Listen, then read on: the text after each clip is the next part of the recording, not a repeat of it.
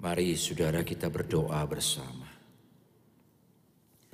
Bapa kami yang di sorga, Bapa yang kami sembah dan yang kami cintai di dalam Tuhan Yesus Kristus.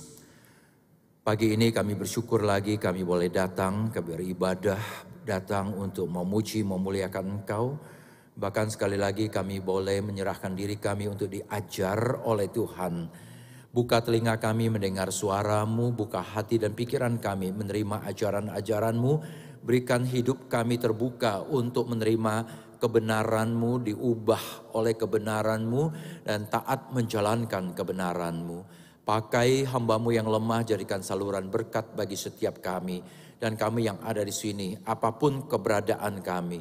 Kami mohon Tuhan dengan firmanmu boleh menghibur kami bagi kami yang perlu dihibur.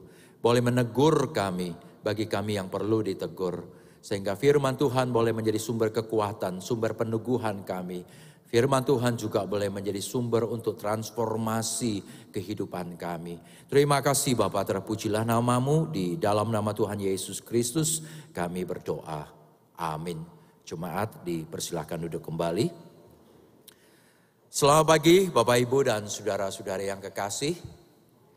Bersyukur kepada Tuhan pada pagi hari ini kita bersama boleh beribadah kembali dan bersama-sama kita akan mendengarkan firman Tuhan Pagi ini kita akan mendengarkan kebenaran Tuhan yang berbicara mengenai bertumbuh bersama. Growing together. Kemarin dua hari Jumat dan Sabtu sinode gereja kita, sinode gereja Kristus Yesus baru melakukan sidang tahunan bersama-sama.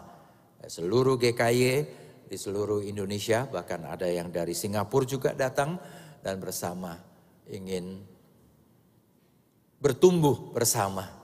Kita juga sebagai satu jemaat di tempat ini GKY Sunter, kita ingin bertumbuh bersama, growing together. Saudara saya ingin mengajak kita bersama membuka Alkitab. Amsal pasal 27 ayat yang ke-17. Tema kita pada hari ini growing together, bertumbuh bersama. Amsal pasal 27 ayat 17. Demikian bunyi firman Tuhan seperti yang tertulis di dalam Amsal 27 ayat 17. Besi menajamkan besi, orang menajamkan sesamanya. Saudara saya ingin mengajak kita membaca bersama karena hanya satu ayat. Jadi mari kita membaca bersama dan nanti diulangi sekali lagi sebisa mungkin tanpa melihat teks. Ya kita sambil menghafalnya. Mari kita membaca bersama dua tiga. Besi menajamkan besi, orang menajamkan sesamanya. Sekali lagi, dua tiga. Besi menajamkan besi, orang menajamkan sesamanya. Amsal 27 ayat yang ke-17. Saudara-saudari yang kekasih, gambaran mengenai besi menajamkan besi, orang menajamkan sesamanya. Saya kira saudara pasti tahu ini gambaran yang diambil dari tukang besi ahli membuat pisau atau membuat pedang pada zaman dulu, ahli membuat parang dan itu biasanya harus dilakukan dengan cara besi yang satu dipukulkan ke besi yang lain. Itulah besi menajamkan besi. Orang menajamkan sesamanya. Saudara ini bukan gambaran orang yang berkelahi dengan orang lain, orang yang berbenturan dengan orang lain, orang yang konflik dengan orang lain, dan kemudian setelah itu salah seorangnya atau dua-duanya memetik pelajaran dari perkelahian itu. Bukan saudara, jadi jangan sengaja mencari perkelahian dan kemudian baru memetik pelajaran baik Oh, jangan berkelahi, begitu ya. Memang benturan-benturan kehidupan itu bisa membentuk kita. Membentuk kita menjadi lebih sabar misalnya, Ya saudara saya dari dulu orang yang sangat tidak sabaran dan saya banyak dibentuk dalam uh, berbagai konflik-konflik kehidupan ini. Ya khususnya biasanya uh, dalam menyetir mobil Ya, saya banyak sekali diingatkan sama istri sampingnya sudah, ya sudah, ya sudah begitu ya. Nggak tahu kenapa ya bapak-bapak kalau nyetir mobil tuh emosional banget begitu.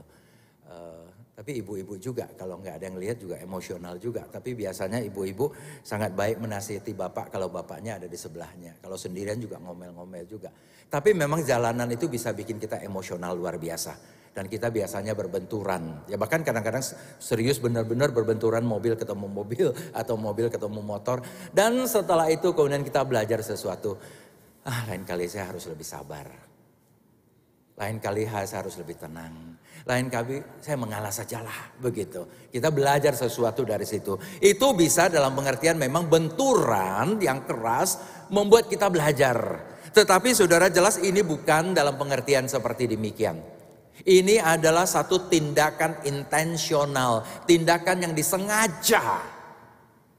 Besi menajamkan besi, orang menajamkan sesamanya. Tindakan yang sengaja supaya apa? Supaya hidup kita tidak menjadi tumpul. Hidup jangan menjadi tumpul. Saudara kita bisa membayangkan besi Seonggok besi mungkin tidak banyak gunanya. Buat keplak, perampok, pencuri mungkin berguna. Tetapi kalau memang dimaksudkan besi itu harus menjadi pisau atau parang, maka besi itu harus diproses supaya menjadi tajam. Kedua, kalau memang itu sudah dalam bentuk pisau atau dalam bentuk parang, kemudian menjadi tumpul, dia perlu lagi diasah, perlu lagi diasah, perlu lagi dikikis supaya menjadi tajam. Kalau besi itu tumpul, kalau parang itu tumpul, maka dia tidak menjadi efektif. Hidup tidak efektif, tidak berguna, tidak berbuah. Jikalau tujuannya tidak tercapai. Demikian pula dengan hidup Kristen, tidak akan menjadi berguna. Sebagai seorang Kristen, kalau hidup tidak berbuah, tidak efektif. Zaman dulu saya pernah ke toko dan servis komputer seorang teman.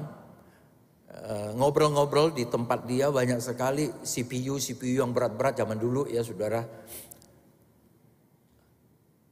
Saya tanya, itu CPU kenapa banyak tumpuk-tumpuk di lantai? Nah udah rusak dia bilang begitu. Kok nggak dibuang kalau udah rusak? Saudara tahu ya zaman dulu CPU tuh ngangkat aja berat sekali. Sekarang enak ya namanya semua laptop di, bisa ditenteng yang semakin lama semakin ringan.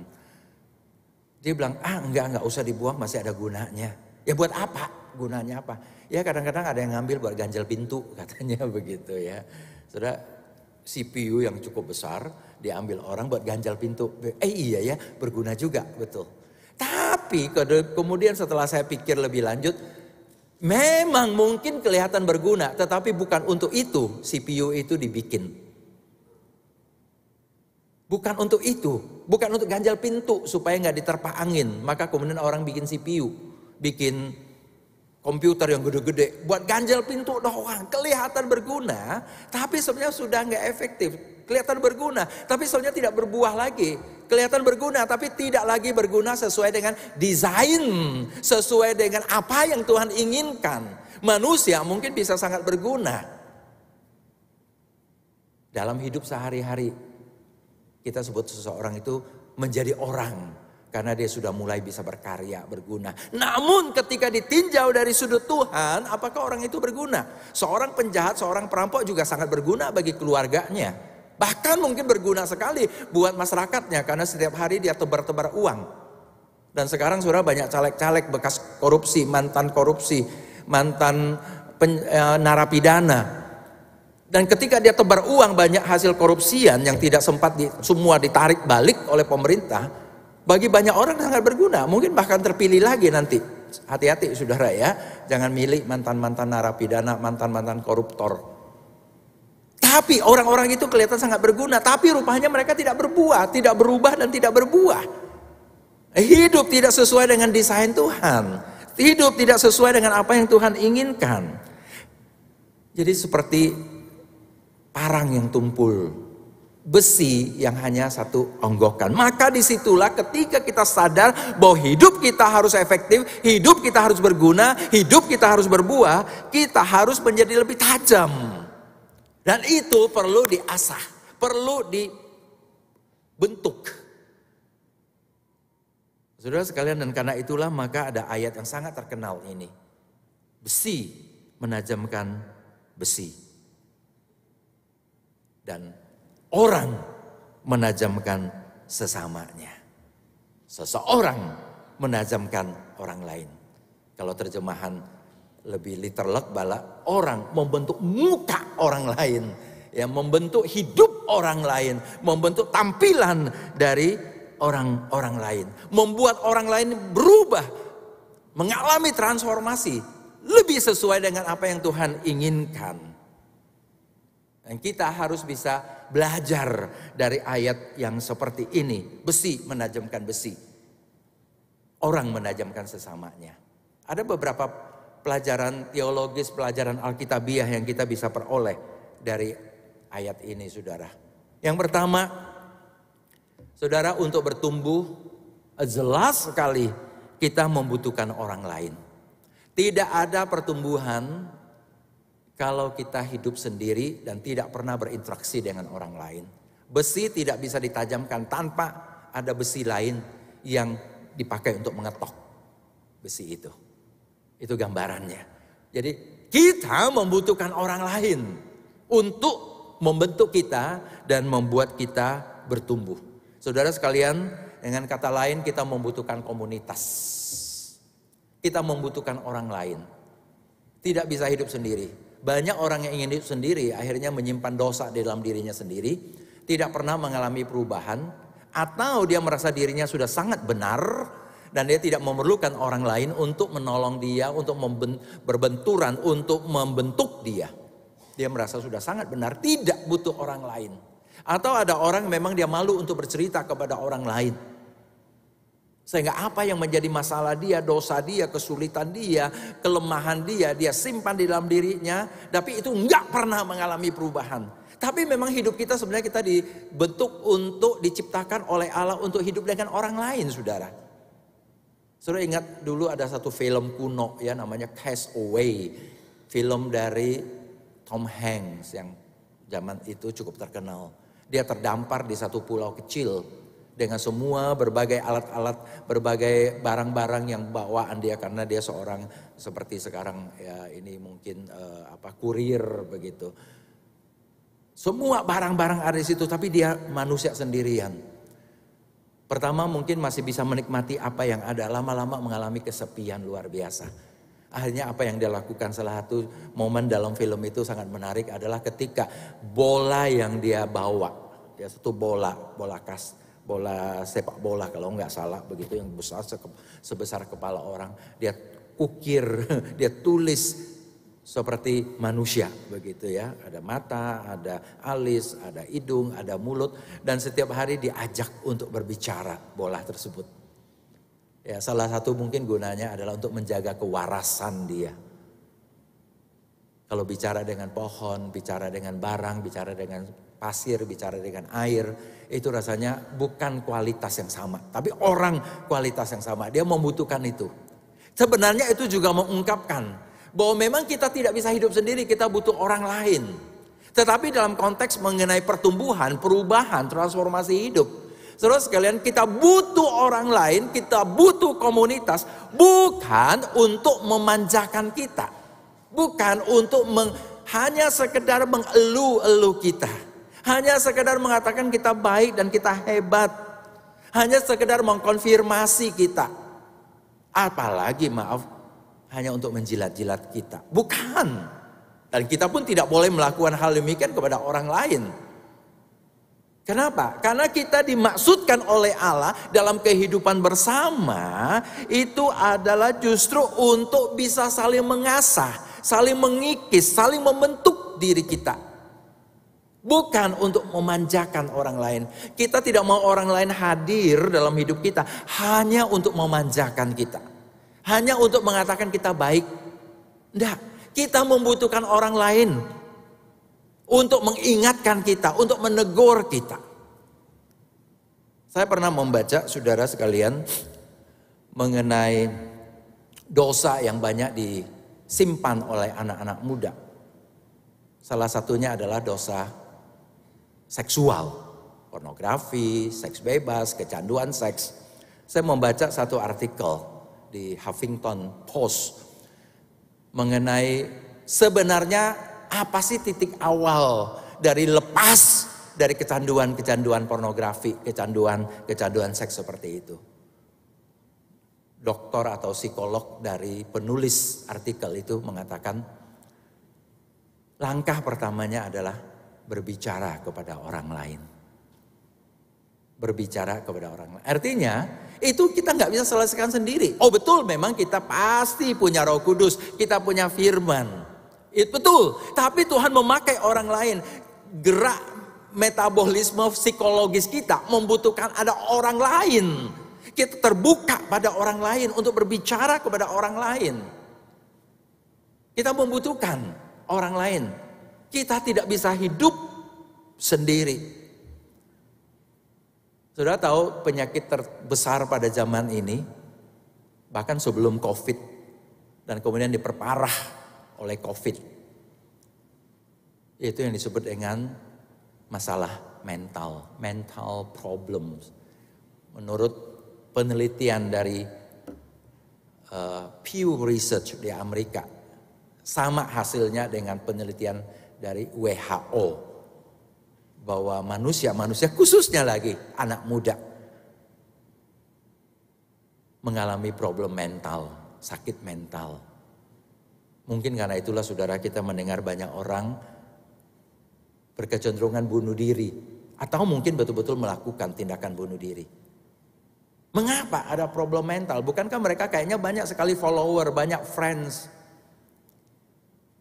Karena tidak ada hubungan komunitas di mana mereka bisa curhat, di mana mereka bisa mendapat pertolongan, di mana mereka bisa mendapatkan tepuk di bahu mereka secara asli, secara genuine di mana mereka menemukan penerimaan, satu komunitas di mana ketika mereka berbuat salah mereka ditegur. Tidak ada komunitas seperti itu.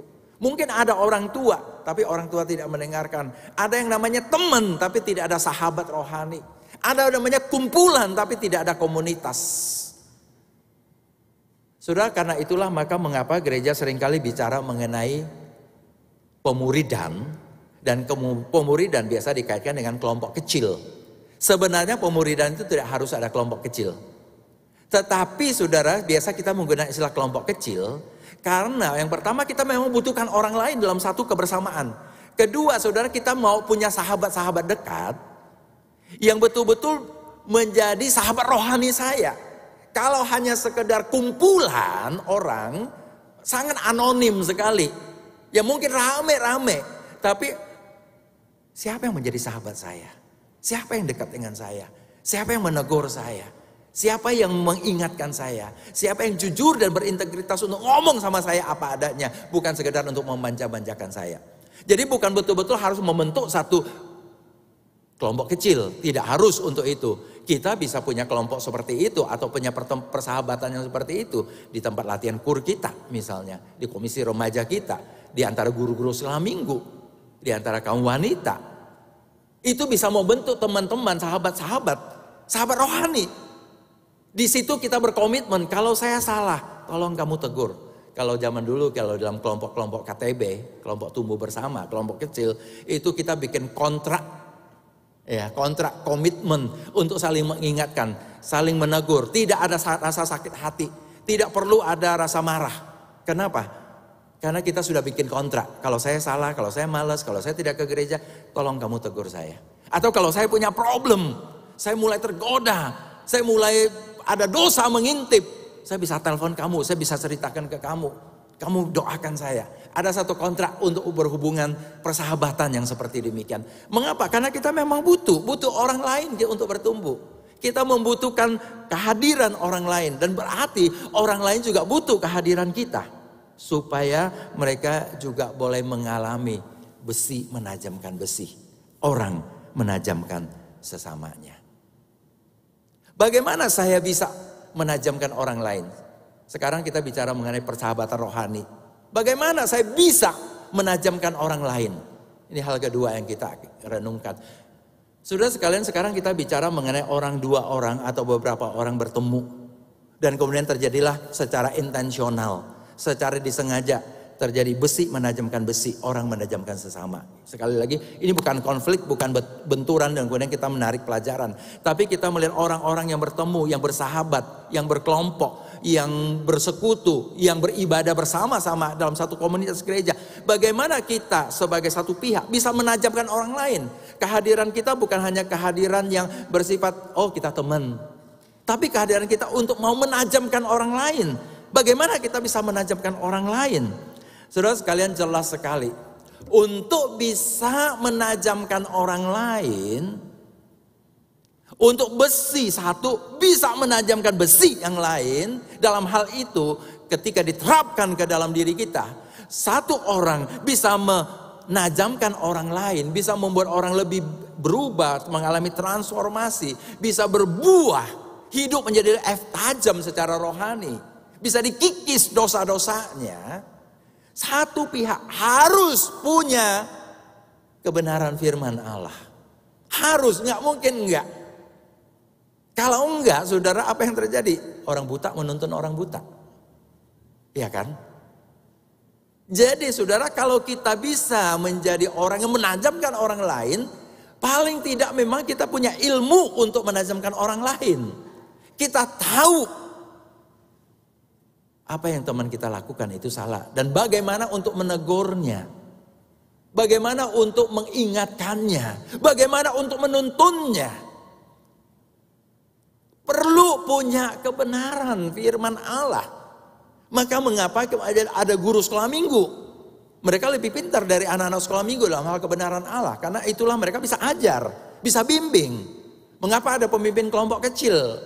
Ada pengurus remaja, pemuda, kaum wanita karena mereka seharusnya menjadi orang yang lebih paham kebenaran. Tapi sebagai jemaat pada umumnya, kita juga pasti diisi dengan berbagai kebenaran firman Allah. Dan karena itulah saudara, maka kita bisa menjadi orang yang menolong orang lain, menajamkan orang lain. Saudara sekalian ada satu kisah Alkitab. Bagaimana orang berbicara, orang mencoba menegur orang lain tetapi tanpa kebenaran Allah. Yaitu kisah Yesus dalam perjalanan ke Yerusalem. Dalam perjalanan menuju ke Yerusalem untuk ketiga kali dan terakhir kali, Yesus mengatakan, "Aku ke Yerusalem. Di sana aku akan ditangkap, disiksa, dianiaya, kemudian dibunuh. Tapi pada hari ketiga aku akan bangkit," kata Yesus. Pada hari ketiga Yesus bangkit. Yesus mengatakan demikian. Dia sudah banyak berbicara mengenai kedatangannya untuk memikul salib, untuk menebus manusia yang berdosa.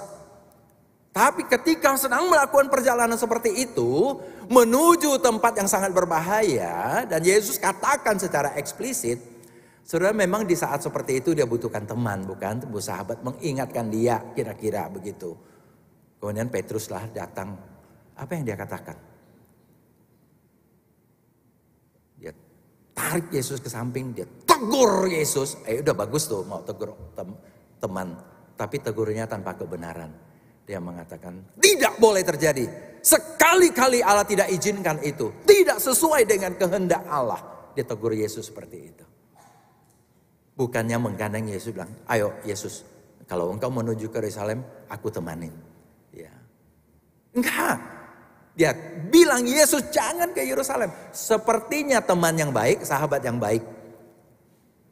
Saudara kalau temanmu bilang ke kamu, eh saya lagi mau pergi ke Solo begitu. Pas beberapa menit sebelumnya kamu baca atau kamu lihat di TV di Solo itu orang sedang kerusuhan misalnya, ada bom meledak misalnya. Terus bilang, jangan, jangan ke sana. Tunggu dulu beberapa hari kemudian coba. Kalau penting sekali, tunggulah. Mungkin seminggu, dua minggu kemudian. Kira-kira seperti itu kan. Menasehati orang.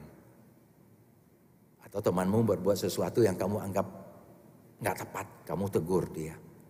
Tetapi harus tahu benar apa enggak kan? Begitu. Yesus menjalankan misi Dan itu benar. Tapi Petrus sebaliknya sebagai seorang yang tidak punya kebenaran dan tidak tahu kebenaran mencoba menghalangi jalan Yesus. Mungkin motivasinya benar, mungkin motivasinya baik, mencoba menolong temannya supaya terhindar dari mara bahaya. Tapi justru tidak menjalankan kebenaran Allah. Malah menjadi penghalang bagi tersapainya kebenaran Allah. Maka di situ sekali-kalinya Yesus sebaliknya menegur Petrus dengan besi menajamkan besi yang cukup kuat. Ngomong sama Petrus sekali-kalinya dengan istilah yang Yesus pernah pakai untuk manusia. Enyalah iblis. Enyalah iblis. Kata enyalah itu bilang, itu punya pengertian. Berbaliklah ke belakang. Di belakangku, jangan di depanku. Kira-kira Jangan menghalangi jalanku. Kau di belakang. Itu juga teguran. Itu juga besi menajamkan besi. Tapi itu sesuai dengan kebenaran. Sesuai dengan apa yang Allah inginkan. Jadi saudara kita perlu ada kebenaran firman Allah. Namun tentu saja punya kebenaran tidak cukup. Saudara kita perlu memiliki kasih yang misional. Alkitab berkali-kali menekankan kebenaran itu, iman itu, kepercayaan itu, itu perlu diekspresikan, didemonstrasikan, diwujudkan dalam bentuk cinta kasih. Orang yang punya kebenaran bisa menjadi orang yang sangat nyinyir pada orang yang salah. Bisa sangat tidak toleran pada orang yang salah. Bahkan sering kali mengambil jarak dari orang-orang yang dianggap jorok dan tidak saleh, tidak kudus. Karena dia punya kebenaran. Banyak orang Kristen juga seperti itu. Makanya dalam kekristenan ada yang dikenal dengan nama kaum fundamentalis Kristen Merasa diri sudah pemegang kunci kerajaan sorga. Merasa diri paling saleh dan paling kudus tidak mau dekat dengan orang lain. Karena dia merasa dirinya yang paling benar. Begitu dengar ada orang homoseks, begitu mendengar ada orang yang punya masalah-masalah dalam hidupnya langsung langsung sorry sorry jangan dekat. Enggak saudara sekalian. Atau kalau dekat kepada orang pun dia main tegur, main bentak, main menghakimi, judgmentalnya luar biasa. Tetapi saudara sekalian, kalau mau besi bisa menajamkan besi, kalau kita mau bisa menolong orang lain menjadi lebih tajam, lebih berbuah, lebih mengalami transformasi, saudara sekalian jelas sekali kita perlu punya kasih yang misional. Kasih yang punya tujuan. Bahwa saya diutus oleh Allah untuk sahabat saya, untuk teman saya. Untuk mengubah dia, itu misional. Saudara, misional artinya kita seperti diutus oleh Allah menjadi misionari. Untuk apa? Untuk mengubah orang. Mengabarkan Injil, orang lain bertobat. Orang yang sudah bertobat kita bantu untuk bertumbuh menjadi murid-murid Yesus. Mereka yang sudah belajar-belajar firman Tuhan kita bantu untuk menjadi pelayan-pelayan Tuhan. Kita bantu mendorong mereka untuk menjadi pemimpin-pemimpin Kristen. Itu misional, artinya kehadiran kita adalah utusan dan utusan yang punya tujuan. Kasih bisa hanya sekedar juga untuk menghibur dan membacakan orang lain. Tapi kasih yang misional adalah kasih yang memang kita tahu kita mencintai orang untuk membangun orang itu, membentuk orang itu. Dan itu yang Yesus gambarkan. Firman Tuhan gambarkan tentang Yesus. Ada bambu, ada bambu yang terkulai, mengganggu jalanan, mengganggu orang bolak-balik di situ tapi tidak langsung dipotong karena mengganggu. Tapi pelan-pelan usahakan ditegakkan. Jangan terlalu kencang juga ditegakkan. Bisa patah juga. Pelan-pelan tegakkan. Lampu yang sudah redup sekali keluar asap-asap yang mengganggu mata, mengganggu hidung. Paling gampang ada huh tiup. Padamin sudah sekalian. Tapi tidak dipadamkan. Itu kasih yang konstruktif, yang membangun. Soalnya nggak mudah sebenarnya itu. Tapi sebenarnya kehadiran kita untuk orang lain adalah itu. Kalau semua baik-baik kayak malaikat, kan kita tidak perlu lagi menajamkannya mereka. Tapi justru karena kita manusia lemah. Dan toh sahabat kita manusia lemah perlu dibantu. Perlu dibantu. Saya pernah bertanya kepada seorang teman yang jadi hamba Tuhan di daerah Mangga Besar. Bukan GKI Mangga Besar, saya nggak berani tanya kalau GKI Mangga Besar. Tapi di daerah Mangga Besar, saya tanya, Bok Su, ya waktu saya khotbah di gereja dia, Bok Su, saya bilang, ini Mangga Besar kan terkenal daerah merah. distrik merah, katanya lampu merah. Pernah nggak tuh wanita-wanita malam ibadah di sini? Oh pernah, dia bilang gitu. Pernah pak? Oh ya, saya bilang menarik juga kalau dengar. Gimana ini? Nggak tahan lama pak, dia bilang begitu ya. Paling dua minggu udah hilang lagi. Kenapa? Biasalah pak, gitu. datang dengan pakaian yang agak ya lain lah daripada yang lainnya gitu kan, menor-menor gitu. Terus katanya jemaat pak, begitu lihat ada yang kayak begitu langsung, huh? langsung agak miring-miring sudah bisa duduk sendirian, tidak ada yang mau menemani, langsung kayaknya orang memandangnya pun dengan mata yang agak kurang kurang ya kurang bersahabat, kurang menerima. Nggak tahan lama Pak dulu. Nah saudara itu ya, mungkin belum ngomong aja orang udah tahu itu judgmental sekali. Ya memandang orang seperti udah mau menjatuhkan orang lain. Ya mungkin betul ini manusia berdosa. Tapi sebenarnya itu manusia berdosa yang mau datang ke gereja. Itu kan kita udah bersyukur banget begitu ya. Daripada orang gereja yang datang ke tempat berdosa. Tapi sering kali justru itu akhirnya kita tidak bisa menolong. Karena kita nggak punya kasih yang misional. Tidak berusaha untuk mendatangi, mengubah orang lain. Tapi sebaliknya saudara, kalau kita sebagai satu komunitas, Orang lain hadir untuk kita. Kita ingin ditajamkan. Kita ingin dibentuk. Kita ingin seperti besi yang ditajamkan oleh besi yang lain. Kita seperti satu orang yang mau ditajamkan oleh orang lain. Apa yang seharusnya sikap kita? Bagaimana kita bisa ditajamkan oleh orang lain? Bagaimana kita bisa ditajamkan oleh orang lain? Saudara sekalian saya kira salah satu yang sangat penting adalah atmosfer yang saling percaya. Tidak mungkin kita mau dipukul orang, dikritik orang kalau kita tidak percaya bahwa itu adalah pukulan kasih, bahwa itu adalah teguran kasih.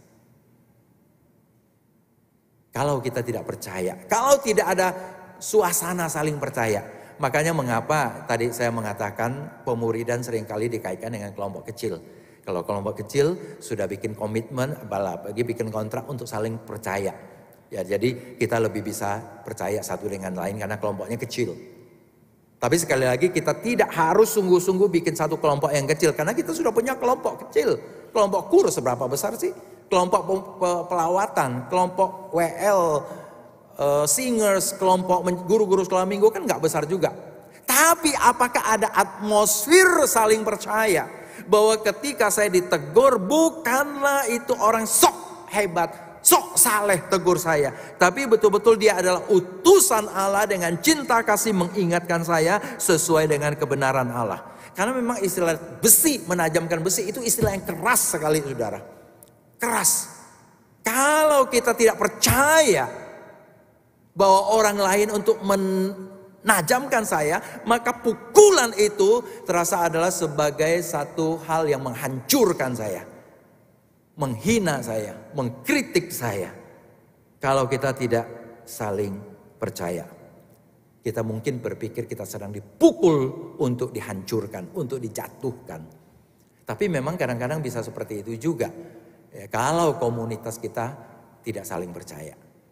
Salah satu kata yang sering muncul belakangan ini di lingkungan GKY adalah kata trust atau sebaliknya distrust. Sepertinya tidak lagi saling percaya. Ya, rohaniwan dengan non rohaniwan, sesama rohaniwan, sesama non rohaniwan, jemaat kayaknya banyak saling curiga satu dengan yang lain. Kalau betul itu yang terjadi, maka tidak mungkin ada yang namanya besi menajamkan besi. Saudara ini gambaran yang keras, itu ada semacam dibenturkan Benturan itu bisa menjadi perkelahian yang konflik yang memecah gereja. Kalau di dalamnya tidak ada kasih, kalau di dalamnya tidak ada kebenaran, dan kalau di dalamnya tidak ada atmosfer yang saling percaya. Tapi saya yakin saudara kita pasti punya orang-orang yang kita percayai. Dan banyak orang-orang di sini yang bisa menjadi orang-orang yang dapat dipercayai. Dan biarlah itu boleh menjadi sahabat-sahabat rohani kita.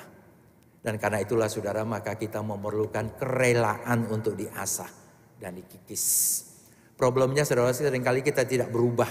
Seringkali tidak bisa berubah. Tidak mengalami perubahan. Karena kita tidak mau diasah, tidak mau dikikis, tidak mau ditajamkan. Mungkin karena prosesnya nggak enak. Prosesnya sakit. Prosesnya lama. Satu pihak bisa terjadi orang lain yang mencoba menajamkan kita akhirnya putus asa. Tetapi pada pihak lain kita sendiri tidak kooperatif untuk mau ditajamkan, untuk mau diasah, untuk dikikis. Diasah menjadi rohani yang lebih tajam, dikikis dalam keburukan dan sifat-sifat jelek kita. Dikikis, dikikis, dikikis. Kalau kita tidak percaya pada proses ini, maka sulit untuk mengalami transformasi. Saya senang dengan kesebelasan Arsenal. Saya suka nonton sepak bola, saudara. Saya suka nonton Arsenal.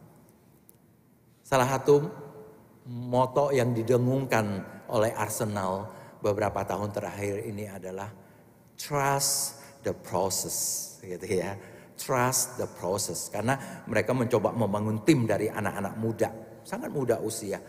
Dan itu memerlukan banyak pembentukan, banyak pengasahan, banyak pengikisan. Dan untuk berhasil itu mungkin perlu waktu yang panjang.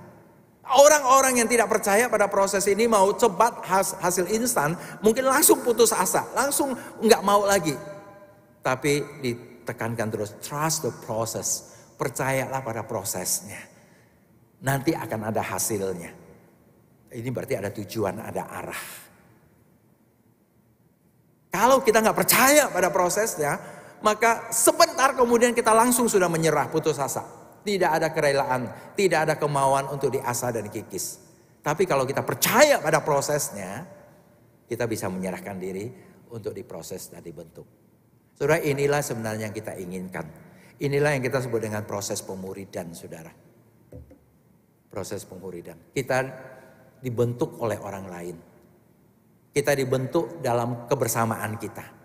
Growing together saling mengasihi itu juga berarti saling mengasah. Bukan sekedar mengasihi memanjakan kita, mengasihi membuat kita adem, mengasihi membuat kita hangat, tapi mengasah. Mengasihi itu harus ada kasih yang misional, mengasah ketajaman rohani kita, mengikis sifat buruk kita supaya kita mengalami transformasi kehidupan. Sudah berapa lama kita bersama dalam komunitas gereja ini? Sudah berapa banyak kita mengalami perubahan? Sudah temukanlah beberapa sahabat rohani di dalam gereja ini. Katakan kepada sahabat rohanimu, kalau saya berbuat salah, kalau saya berkata-kata yang tidak tepat, kalau saya malas ke gereja, kalau saya malas pelayanan, kamu tolong ingatkan saya, kamu tegur saya. Tidak ada hard feeling, tidak ada masalah personal tapi saya mau sendiri, saya mau sendiri. Kamu ingatkan saya, tegur saya, asa saya, kikis saya. Saya akan serahkan diri saya untuk dibentuk oleh kamu, oleh sahabat-sahabatku. Demikian pula kita mungkin bisa bersedia, tersedia untuk orang lain. Yang mau minta, yang percaya kepada kita dan mau minta kita untuk mengasah dia. Kita mau minta, itu namanya semacam proyek ketaatan. Kita dibentuk oleh orang Lihat kita dengan objektif, lihat kita dengan kebenaran, berkata-kata dengan kebenaran. Dan kita mau dan rela untuk menerimanya. Growing together. Sudah maukah kita seperti itu? Kalau punya masalah dalam hidupmu, jangan lupa cerita. Memang kita butuhkan orang yang dapat dipercaya. Tapi pasti ada orang-orang yang bisa menjadi sahabat-sahabat rohani yang dapat dipercaya. Yang berdoa untukmu, yang menyimpan rahasiamu, yang berjalan bersamamu.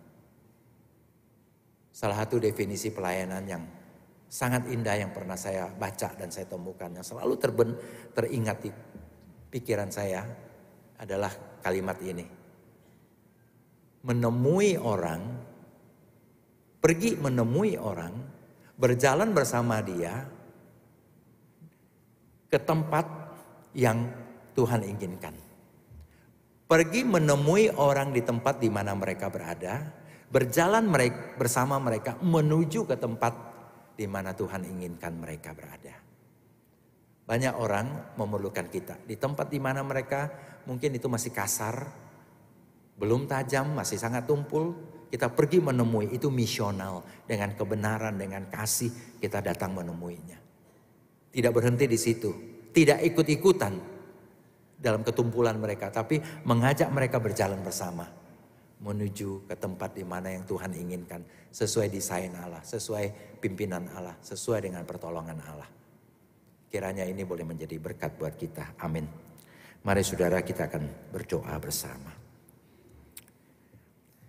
Bapa kami yang di sorga, biarlah sungguh kami boleh menjadi satu bilah besi yang menajamkan besi lainnya. Satu orang menajamkan sesama kami.